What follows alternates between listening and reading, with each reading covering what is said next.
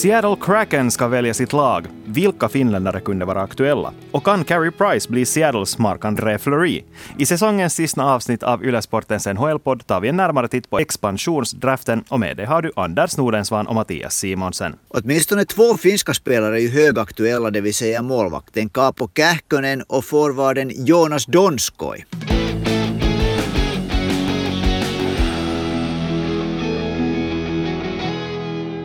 Ja, natten till torsdag finsk tid ska Seattle välja en spelare var från samtliga lag i NHL, med undantaget för Vegas Golden Knights. Och det som vi vet nu är vilka spelare som Seattle får välja mellan. Och vi kan väl ändå konstatera att det finns vissa överraskningar bland de tillgängliga spelarna. Överraskningar, ja. Det, det stora snacket är ju såklart Carey Price, Montreals målvakt, som precis tog Montreal till Stanley Cup-final. Men om man lite gräver där och knackar på knutarna av den här sensationella nyheten så kanske det finns en viss logik att han är för tillfället bland dem som inte är skyddade. Men finns det faktiskt det? För jag tycker nämligen inte att det finns någon logik där. Så som jag ser på det här är det att Montreal valde mellan att skydda antingen Jake Allen, som var deras stöttepelare i grundserien, eller Carey Price som har varit lagets ansikte utåt i så otroligt många år. Deras stora stjärnmålvakt som var alldeles lysande i slutspelet och valde att satsa allt på Jake Allen som i ärlighetens namn inte Carey Price. Jag förstår inte åtminstone logiken, så nu får du gärna öppna upp vad, vad du riktigt menar med det där. No, min tanke är den att Carey Price antagligen har en operation framför sig här. Mm. Han, är, han är det där lider av skador, så han kommer antagligen inte att kunna med stor sannolikhet kommer han inte att kunna spela här i början av säsongen. Och han har ju ett, ett kontrakt som inte är helt gratis på något sätt. Så jag på något sätt tror att det där att han helt enkelt är en målvakt som Kraken inte vågar satsa på i det här. Att, att, det liksom, att det finns så mycket sånt som gör att han ändå inte sen skulle vara tillgänglig för dem när de behöver honom. Att jag, jag tror att det finns någonting här att, att Montreal räknar med att de får hålla honom. Men nu utgår du nästan från att, att Seattle Kraken vill vara en contender, en, en utmanare till Stanley Cup-bucklan redan från det första året. Jag tycker att det är ganska utopistiskt att säga. För jo, Vegas Golden Knights lyckades med det. De lyckades bygga upp ett sånt här mirakulöst flow-tillstånd får vi väl säga, redan under sin första säsong. Vilket var alldeles otroligt att de lyckades göra. Och ja, mycket av det så har de att tacka för att de hade en viss målvakt vid namn Marc-André Fleury som spelade mycket i början av säsongen. Men vi ska också komma ihåg att han var borta hemskt mycket av det här första året. Han var skadad en lång tid under det här första året. Ändå lyckades de ta sig hela vägen till slutspel. Och viktigast av allt här tycker jag ändå det att det här laget nu bygger för framtiden och kommer ju nu att välja de här pjäserna som kommer att hålla dem flytande i den västra divisionen, i den här Stillahavsdivisionen under många år framöver. Och vem skulle det vara då om inte Carey Price? Okej, okay, jag ska säga nu det där, hur, hur jag tänker. Processerna i NHL är ju grymt svåra och vad som snackas. Och man, man, man tror och tippar alltid fel. Min tanke är så här enkel, att jag tror att Montreal under inga omständigheter vill att Carey Price ska, ska lämna. Och därför tror jag att det som vi nu ser, det som kommer ut, är bara ytan av liksom den här processen och att det egentligen finns någonting som, som man har kommit överens om, någonting som finns i bakgrunden som gör att de vågar sätta honom, de vågar lämna honom oskyddad för att, för att de är säkra på att han inte hamnar i kraken. Jag kommer såklart att ha helt fel på torsdag, men det här är min tanke. Låter det någorlunda logiskt? Nej, jag tycker inte att det gör det. Nej, men alltså det finns ju okay. massor med spekulationer om, om, vad som händer i bakgrunden, för vi vet ju faktiskt inte. Det har ju varit snack om det också nu inför den här expansionsdraften, att ja, då när Vegas gjorde det, så, fan, så sipprade det ut ganska mycket information om den här processen i deras, där uppe bland cheferna, så sipprade det ut ganska mycket information om hur de tänker, hur de tänker göra inför expansionsdraften. Så de här insatta NHL-reportrarna kunde eh, rapportera ganska träffsäkert om hur Vegas kommer att göra i expansionsdraften. Man visste då att, att de till exempel kommer att undvika de här allra, allra största namnen, utan istället satsa på att bygga upp laget via just att plocka in draftval istället, genom att låta sig själv bli övertalade om att plocka sämre spelare i expansionsdraften. Men nu vet ingen hur Seattle resonerar. De har faktiskt hållit det väldigt tajt. De har inte låtit någon veta om hur de faktiskt tänker och vill göra. Så det är ju faktiskt omöjligt att säga hur det kommer att bli. Men jag ser ändå Carey Price som en, en potentiell haj för dem att plocka. En, en stor bläckfisk, vad man nu ska kalla det i cracken.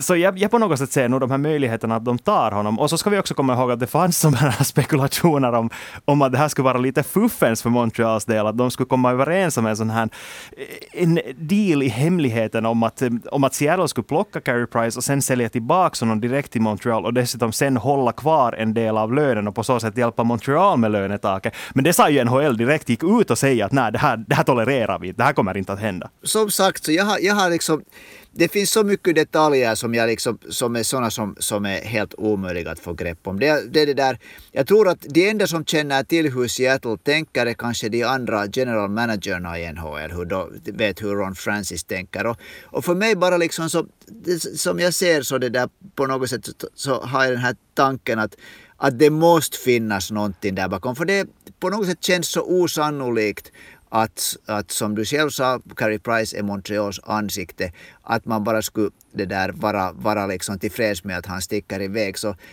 jag tycker bara att den enda möjligheten är att det finns någonting som vi inte vet som håller honom där. Men som sagt, på torsdagen får jag väl än en gång ta på mig dumstruten och det där och, och rodna framför spegeln. Mm.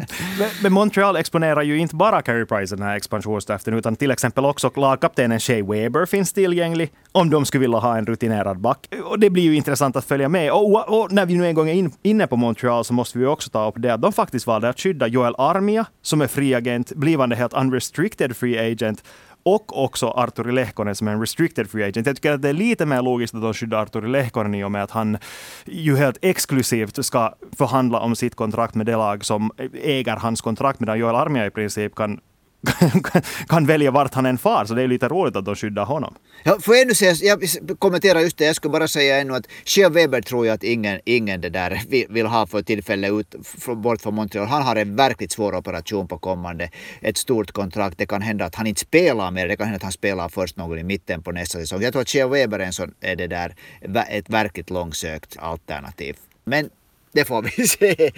Det där, jo, alltså jag blev, det där, jag blev jätteglatt överraskad när jag såg att Montreal ville skydda Joel Armia som faktiskt då är, är det där en fri agent och kan egentligen göra som han vill. Det tycker jag tyder bara på att Joel Armia har, har stigit i en position inom klubben, att man litar på honom, man har en klar roll för honom och det finns liksom en framtid för honom, att man vill ha honom kvar. Det, jag tycker helt som du, att det, det där Arturi Lehkonen är ju, är ju logiskt att, att man, man skyddar honom när han ändå, ändå det där, de har rättigheterna där kvar. Och Arturi Lehkonen tror jag förresten att om det, skulle här, det här skulle ha gjorts för uh, en och en halv månad sedan så tror jag att man inte skulle ha skyddat Arturi Lehkonen.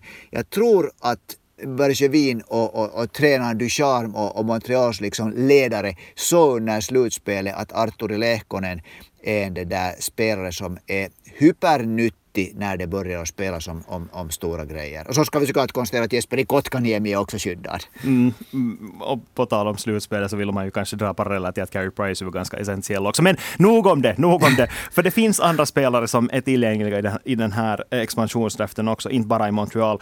Ett stort namn som väckte, ganska, eller som väckte lite frågetecken får vi säga, är Vladimir Tarasenko som exponerades lite överraskande av St. Louis Blues. Och vi har fått in en fråga om den här. Jonas undrar varför St. Louis inte skydda Vladimir Tarasenko? No, allt börjar med att Vladimir Tarasenko vill bort från St. Louis. Han, han har meddelat att, han, att han, han önskar att bli tradad och, och, och, komma bort därifrån. Och nu har det där, om, om uppgifterna som, som man har sett och hört stämmer så har St. Louis försökt träda honom ganska intensivt här under de här senaste dagarna men de har liksom inte nappat på något håll. Så nu har man då valt att det där att istället inte skydda honom. Jo, alltså det där är ju intressant för det finns lite olika uppgifter om det där. Vissa rapporterar, helt som du säger, just det där att de faktiskt har försökt reda honom aktivt, medan då Tarasenkos läger, alltså då i princip hans agent och andra personer som står honom nära, då upplever det som att St. Louis inte alls skulle ha försökt trada honom. Att de har sagt åt andra klubbar att Johan är tillgänglig, men att deras pris som de ber för honom är alldeles för högt. Och nu, nu kan man ju förstå för, ur St. Louis perspektiv att de vill ha någonting stort för, för en spelare som Vladimir Tarasenko, men samtidigt tyder det här ju nog på att det faktiskt inte har funnits en marknad för honom. Och nu ryktas det ju också om att det här också ska vara ett sätt för St. Louis att visa åt Tarasenko att hej, om inte ens Seattle tar det gratis, så då, då finns det helt enkelt inte en marknad för det just nu. För du, vi ska minnas, han är en otroligt spelskicklig kille. Men samtidigt har han varit väldigt skadebenägen den senaste tiden. Efter att St. Eh, Louis Blues vann Stanley Cup våren 2019 så har han endast spelat 34 matcher. Ja, och han är ju en bra målskytt, det är kanske hans största uppsida. Men jag har lite reagerat på det här att när det hela tiden talas om, om det där, det blir ju så jättelätt nu att, att någon stämplas som en superstjärna. Och jag tycker att, liksom att Tarasenko är kanske lite den här som som, uh, det finns lite mera hype kring honom än den egentliga substansen. Jo, han är en riktigt bra NHL-spelare och en riktigt bra målskytt. Men det, där, det finns också kanske en mängd med andra spelare som skulle kunna spela den rollen som han har om man får de chanserna som han har fått. Det ska vi komma ihåg att NHL är alltid mycket beroende på var du får spela, med vem du får spela, hur mycket speltid du får spela. Får du spela powerplay just när det gäller målskyttar? Så, så här tänker jag. Men, men samtidigt fick Tarasenko Jori Lehterä att verka som en, en NHL-stjärna. Ja, men det var också under de åren som Jori Lehterä var som allra bäst. Att det där... Uh, ja, det, jag tycker man kan också se på det där lite ur, ur det där två vinklar.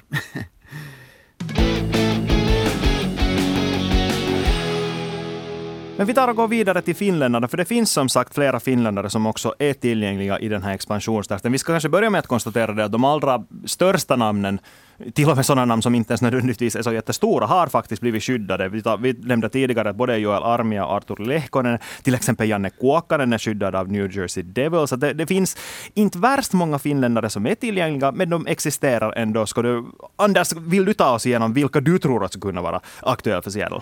Nå, om vi börjar med den som, som jag tycker att, som jag blev verkligen överraskad att inte beskyddar, så då är det eh, Kapo Kähkönen, målvakten från Minnesota Wild som var en rookie-målvakt den gångna säsongen, som det där är precis på väg in i sina bästa år, har liksom skolats inom Minnesota Wilds organisation. Nu fick han ta mycket ansvar redan under vintern gjorde det för det mesta jätte, jättebra. Men sen var det nästan tio år äldre äh, Cam Talbot, som, som ett, han fyller väl 35 så småningom, som man skyddade och han var jättebra, men han börjar ju närma sig 40. Jag var verkligen överraskad av det här. Mm, du är inte den enda. Sami har skickat in en fråga. Han undrar hur Minnesota riktigt tänkte då de inte valde att skydda Kaapo Kähkönen. Han är ju deras framtidsnamn. Och jag, jag, jag känner mig lite benägen att hålla med här. Alltså, jag tror att vi alla håller med om det. Att det absolut, alltså en målvakt som prisades, han var till och med här det talades åt honom där kanske i början på mars att, att i och med att, att Kirill Kaprizov spelar i Minnesota så kunde inte Kähkönen vara en kandidat egentligen för att, för att vinna Calder Trophy, alltså som årets bästa nykomling, men att han annars hörde till den här mixen av de absolut bästa nykomlingarna. Att man vill frivilligt sätta en sån spelare liksom på en bricka att ta honom, för jag är ju hundraprocentigt säker, eller ska vi nu säga 97,5 procent säker, att, det där, att Seattle kommer att plocka Kähkönen. Jo, alltså, han känns ju som ett väldigt logiskt val och jag gjorde faktiskt en sån här mockdraft som man kan göra på olika sajter. Och där valde jag Kaapo Kähkönen. Men samtidigt kommer jag ihåg att jag gjorde en liknande före Vegas expansionsdraft för fyra år sedan. Och då tyckte jag att det var alldeles självklart att Vegas skulle välja Antti Ranta, som då spelar för New York Rangers. Var allmänt, ska vi säga, att han hade ju den här titeln som NHLs bästa andra målvakt. Att han bara behöver den här chansen att visa upp sig som etta. Och att Vegas då kändes som det här logiska valet att plocka honom för en då ganska väldigt, eller inte ens ganska, utan väldigt låg lön. Nu är det lite samma med Kaapo Kähkönen. Men samtidigt så finns det så otroligt många andra målvakter tillgängliga i den draften. Det är inte bara Carey Price som vi har gått in på. Braden Holtby, Jonathan Quick, Ben Bishop. Alla finns där. Matt Murray också. Att det finns etablerade första målvakter att välja som kommer med, och alla har inte en sån här lika saftig prislapp som Carey Price. Så det är inte kanske så självklart i mina ögon som du tycker kanske Anders. Men det, men det är jättesvårt att se på det här utan att ta, ha på sig de här blåvita glasögonen och tänka att nej men Kähkönen är ju otroligt bra, klart han ska gå dit. Men jag tycker det är inte bara nu blåvita glasögon, jag tycker att man tittar också på liksom en, en, en framtid. För målvakter vet vi att är hypersvåra. Det är verkligt svåra. Och det där är ingen förstår sig riktigt på målvakter. Och general managers har en sån här viss panik gällande målvakter. De skulle vilja satsa på någon men de vågar inte satsa på någon riktigt. Och så, så blir det ofta så där att ah, okej okay, att den här killen är, har spelat i tio år i NHL, att han måste ju bara vara bra när han gör en bra vårsäsong, att han är 35 år gammal. Och så kanske de inte ens tänker tänker på att, att kroppen börjar ge upp i, i, i något skede för, för de flesta målvakter. Jag tycker att om man tittar objektivt på Kapo Kähkönen, hur han har gått framåt och var han är nu, så är han ju den här just den målvakten som alla organisationer tycker jag direkt liksom längtar efter. Att, att ha en sån här kille som redan har visat att han kan vara stabil i, i lite längre tider och är fortfarande ung och har också visat, han har ju också vunnit JVM. Som är en stor grej tydligen för alla nordamerikanska målvakter. Där de har vunnit JVM så får de direkt en sån här att hej den här killen är bra. Men tydligen så gäller det inte för europeiska målvakter. Men samtidigt ska vi inte heller underskatta den hybris som klubbcheferna har i, i NHL. Att de på något sätt tror på sin egen förmåga att hitta den där pärlan, hitta den där diamanten i mm. draften och välja den här egna killen som kommer att stiga fram. En sån här som inte har såna frågetecken som Kaapo Kähkönen ändå har i och med att han ändå får väl säga, hade sina stunder under den förra säsongen och topparna var alldeles vansinnigt höga, men dalarna var också ganska djupa. Och, och, det är sånt som väcker frågetecken hos klubbchefer. Det ska vi inte heller glömma. Men hade han, om du jämför honom med andra unga målvakter, så tycker jag att han var ganska stabil. För det är ju det är hemskt få målvakter, äh, där kring 25, som, som lyckas i verkligt långa perioder hålla den här nivån helt stabil. Och jag tycker att Kähkönens liksom vågdalar nu ändå inte var på något sätt uppseendeväckande.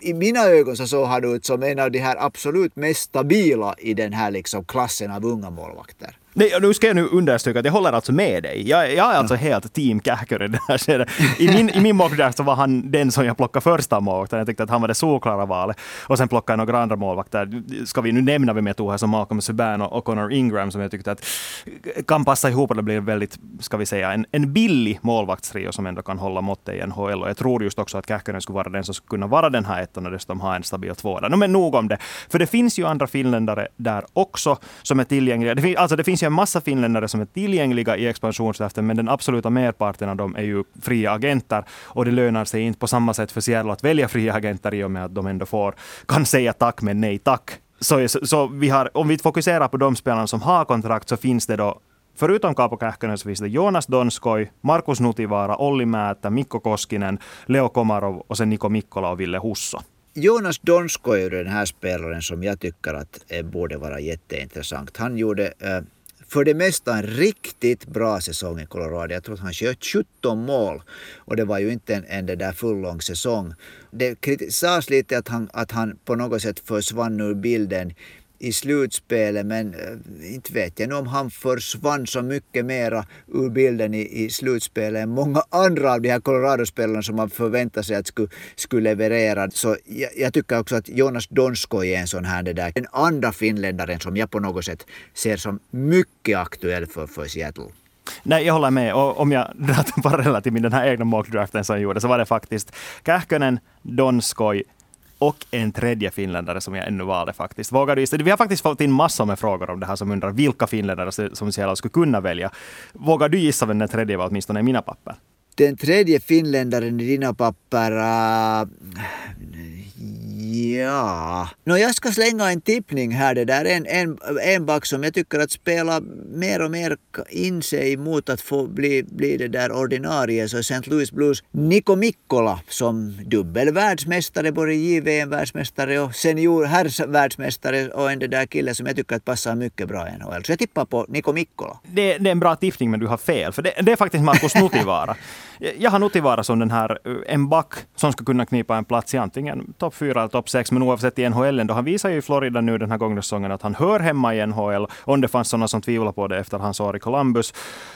Och jag tycker att hans lön är ganska förmånlig, bara 2,7 miljoner per år. En sån back som man gärna har. Problemet här är ju det att jag tittar ju på det här nu med blåvita glasögon. Det, det måste jag ju medge ändå, för det finns otroligt många backar som är av samma klass som håller samma nivå som Markus Nutivaara och att det kan eventuellt finnas bättre spelare också i Florida. Men jag tyckte helt enkelt inte att det gjorde det. Jag tyckte att han var den, det logiska valet när man tittar på de spelarna som var tillgängliga i Florida. Och därför tror jag att det i så fall, om det alltså går så att de tänker välja en, en spelande spelare och inte bara någon sån här som de placerar i AHL från Florida Panthers, så tror jag att det skulle faktiskt kunna vara Markus Nutivaara. No, min känsla med Nutivaara är att, att, det där att jag har tyckt hemskt mycket om Nutivaara och försvara, försvara liksom honom alltid när han inte har fått spela. Nu måste säga att jag, jag tittar ganska kritiskt på honom i den här, den här matchserien mellan Florida och Tampa. Där, det där, där jag liksom för något, på något sätt förväntade sig att det skulle bli resultat. Men det blev sen inte resultat. Han fick liksom inte, han hade chanser, han fick, ganska, han fick, han fick spela i sådana eh, det där intervaller, sådana lägen var han borde egentligen ha producerat. Och sen gjorde han riktigt grova fel placera sig riktigt ordentligt fel vid, vid ett antal av Tampas mål. Så jag tror att han har en sån här lite stämpel över sig att jo, han ska vara en sån här puckförande back, men han är inte tillräckligt bra för att få den här topp 4-positionen. Och sen är han inte någon som man riktigt litar på i, i, det, där, i det här defensiva spelet. Det här är min känsla. Men finns det någon av de här andra som du tror att skulle ska vi säga ens vara snudd på realistiska att vara aktuella för Seattles? Alltså då till exempel Olli Määttä, Mikko Koskinen eller Leo Komarov? Eller Ville Husso? No, Olli Määttä tycker jag ju att igen i VM visar att han är en stabil defensiv back för, för det där tredje paret. Har vunnit två Stanley Cup-titlar, vilket säkert aldrig är dåligt i ett, ett omklädningsrum på en, en ny klubb. Så om jag nu ska plocka någon som jag det där tycker att skulle vara en sån här som, som, som på något sätt är ganska logisk och som man inte kan slå fel med så är det Olli Määttä. Jag, jag har sen lite problem med honom också, det att han, han drunknar i den här gråa massan. Det finns ingenting med Olli Määttä som står ut Förutom då det att han har de här två Stanley Cup-titlarna som redan har blivit ganska gamla i det här skedet. Det måste vi vara ärliga med. Det, det är ju inte som att han har vunnit, som Pat Maroon, tre Stanley Cup-titlar på raken, utan det är ganska länge sedan som han var, har varit med i lag som var väldigt starka där var han hade en, en egen roll förvisso, men inte heller någon sån där gigantisk roll. Så jag skulle säga att jag bara ser det som jätteosannolikt. Olli Määttä är ju själv inte speciellt lastgammal, fast det har gått några år från titlarna. Och om man är defensiv back så brukar man ju ofta säga att en defensiv back är bra när man inte märker honom. Ja, men samtidigt ska man ju också komma ihåg att han får 3,3 miljoner dollar, eller hans cap hit är 3,3 miljoner dollar, som är ganska mycket för en ganska osynlig back. Att, att med tanke på de andra spelarna som ändå finns tillgängliga så tror jag inte att, att mäta en sån som de väljer. Och det samma argumentet kan man ju också dra för till exempel Leo Komarov som har en förhållandevis hög lön med tanke på hurdan roll han har i laget. 3 miljoner dollar för en som, som egentligen borde spela i fjärde kedjan. All ära åt honom för att han höll till i första kedjan i New York Islanders under slutspelet, men nu är det ju ändå osannolikt att han skulle få den rollen i ett Seattle Kraken. Jo, om man helt konkret ska tippa så tippar jag de två spelarna som, kan, som är med största sannolikhet att hamna i Seattle är Jonas Donskoj och Kaapo Kähkönen. Sen är det liksom ett, ett, hopp till det följande tycker jag. Expansionsdraften är ju ingalunda den enda draften som nu är aktuell. Vi har ju också den här traditionella så kallade entry-draften som ska arrangeras här inom några dagar. Och där har vi ju inte riktigt lika heta finska namn som vi har haft under de senaste åren. Men i alla fall har vi ju några. Och till exempel tänker jag då på en center, Aatu Räty, som man har snackat mycket om. Mm. Och det är ju lite så här, ska vi säga synd för, han, för honom att, att den här utvecklingskurvan lite har stagnerat för hans del. För ännu för, nu var det, ännu för ett år så var han i snacket bland de som skulle gå första som första spelare i hela draften. Att han var en av de här som skulle kunna bli Finlands första draftetta någonsin. Men sen gick säsongen nu inte alls som på Strömsö, om man får dra en sån här riktig klyscha. Det, det har väl gått ganska dåligt och nu känns det mer som att han, om han går i den första rundan, så går han mot slutet av den första omgången det har varit ganska mycket diskussion om det här och det där. Äh, det som jag nu har kunnat tolka är att, att det förefaller ganska klart att han kommer att äh, väljas i första rundan. Men sen är det där, skiftar det mycket om han väljer, väljs, äh, helt tydligt tycks det vara så att han kommer inte att väljas bland de tio första. Sen därifrån framåt så mellan 15 till 25 så verkar det ganska sannolikt att Aatu Räty blir vald. Och man visste ju kanske inte egentligen så mycket om den här första säsongen. Han fick spela lite, eh, han fick inte spela i Kärpäts herrlag speciellt mycket. Så var det ju en mycket svår säsong för alla juniorhockeyspelare. Att jag har på känna att, att Aatu Räty är den här killen som om några år kommer att säga att hej, att, den här borde ha plockats tidigare. Att det där, sen när man jämför vet du, om 5-6 år, den här draftklassen 21, så är det där Aatu Räty en sån här som jag tror att kommer att stiga i värde. Men igen, det är såklart så att när man tittar härifrån så är det, blir det de här blåvita glasögonen. Mm, för man ska ju ändå komma ihåg att trots att det, det, du säger om att det var en svår säsong för alla juniorer, det stämmer förstås, men samtidigt har det ju funnits andra juniorer som har spelat väldigt mycket bättre. Så det är ju inte så att alla har tagit ett enormt kliv bakåt, utan det gäller ju nästan mest just Aatu Räti om man tittar på, på hur, de här spelarna, hur det snackades om de här spelarna för ett år sedan. Men, han är, ja, men det vad han har kunnat har ju inte försvunnit någonstans. Att det kan vara frågan om en verkligt liten liksom justering, någonting, är det sen psykiskt eller fysiskt eller någonting. Och när han får koll på det som ofta händer under en lång träningsperiod som under sommaren så kan det nog hända att han är på den nivån igen som man har förväntat sig att han ska vara. Det här är nog att spekulera men det där, jag har svårt att tro att en sån här en sån här liksom talang bara plötsligt skulle liksom försvinna ut i det intet. Mm. Finns det då andra finländare som skulle vara aktuella för den här första omgången? No, det finns ju tre spelare som på något sätt kan diskuteras. Äh, då är det äh, den kanske starkaste, ska vi säga att Artur Räty kommer att gå i första omgången om det nu inte händer något helt underverk. Och en annan spelare som verkar ganska trolig att äh, gå i första omgången är Samu Tuomala, en högerytter som ju gjorde jättestarkt ifrån sig i U18-VM. Sen är det då Samu Salminen, Jokerit center, en stor kille, också bra i U18. U18-VM, som kanske blir, blir det där draftad i andra omgången. Och sen finns den här eh, Samuel Helenius, två meter eh, lång och stor eh, center som det där kan bli en rollspelare i NHL om vi säger på det sättet. Sami Helenius son för övrigt. Så jag ser framför mig att han går inom de tre första omgångarna.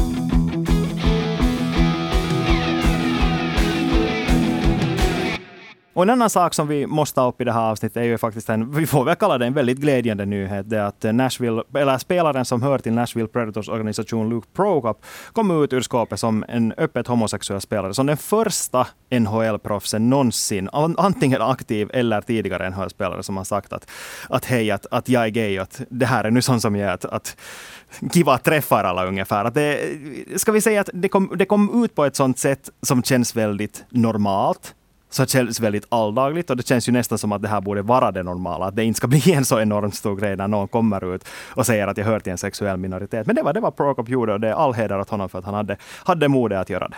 Definitivt och helt som du säger så det är ju på ett sätt så förvrängt att, det ska, att man måste komma och berätta sånt här. Men samtidigt så är det, det där, så är världen sån att det, det där, att det fortfarande är jättesvårt att, att öppet säga att man hör till en sexuell minoritet och vara, vara inom en sån här machosport som ishockey. Det var verkligen modigt av, av Luke Prokop och det var, det var välkommet att han, att han tog det här steget. Och det var intressant för jag hörde en intervju med honom här. Eh, eh vad han berättade om det och, och det där och sa att det känns jättebra att han, han kom ut med det här, det har man hört många gånger och det ren är ju e-, ett bevis på att det lönar sig att komma ut med det. Det, det är liksom inte bara modigt men det är också bra för den här personen själv. Och det glädjande var att han sa att han har inte fått den första negativa eh, responsen. Allt har varit positivt så han har fått. Så han sa att han känner sig jättenöjd och han sa också, vilket jag tyckte var lite överraskande, att det där att egentligen så var det att han är ishockeyspelare som gjorde att han kom tidigare ut med det här om han, eller, eh, än om han inte skulle ha varit ishockeyspelare. Mm. Men, men samtidigt ska vi komma ihåg att det, det, är inte verkligheten överallt. Och det finns fortfarande en väldigt toxisk kultur inom ishockey också. Det finns, inom, no, det finns överallt i världen, men det finns väldigt mycket inom lagsport och speciellt inom, inom en gren som ishockey, som helt som du säger har en väldigt machostämpel på sitt sätt. Och det, det, vi fick faktiskt in en fråga om det här redan tidigare under säsongen. Det var Markus Marcus som undrar om just det här, hur länge vi tror att det kommer att ta innan det kommer en spelare som helt öppet säger att hej, jag är homosexuell. Och att Markus då i sin meddelande trodde att det kommer att ta ganska länge innan det här blir verklighet. Och nu får vi väl säga att det är väldigt glädjande att det inte, att det inte tog så väldigt länge. Och han är ju inte heller första. Det har ju varit lite av en våg av det här inom nu, ska vi säga, manlig proffsidrott. För det var inte eh, NHL, det var första NHL-proffset som kom ut, alltså Prokof som hör till Nashville Predators organisation, inte, kan nu inte riktigt kallas en, en så ordinarie NHL-spelare, men ändå en spelare som kan ta sig in till NHL. Tidigare i sommar eh, från NFL, Carl Nassib som kom ut som den första professionella NFL-spelaren som kom ut och reaktionerna är ganska densamma. Att, att alla tycker att hej, att jättekiva att ni gjorde det här, jättebra att ni var de första som kom ut och att nu kan vi kanske förhoppningsvis leva vidare i ett liv där det här inte behöver vara en så enormt stor grej. Ja, det som ju alla säkert hoppas på, eller åtminstone alla borde hoppas på, att det verkligen är så att det inte har någonting att göra med den här idrottaren. Att, att en människa är vad den är och det viktiga är vad han eller hon hämtar till laget, hämtar till sin omgivning och, och det där privatlivet är privatliv och det ska alla kunna acceptera. Och med de visa orden tar vi och sätter punkt för den här säsongen av Yle Sportens NHL-podd. Vi är tillbaka igen i, vågar vi påstå, oktober när nästa NHL-säsong förhoppningsvis kör igång. Tack och god fortsättning på sommaren!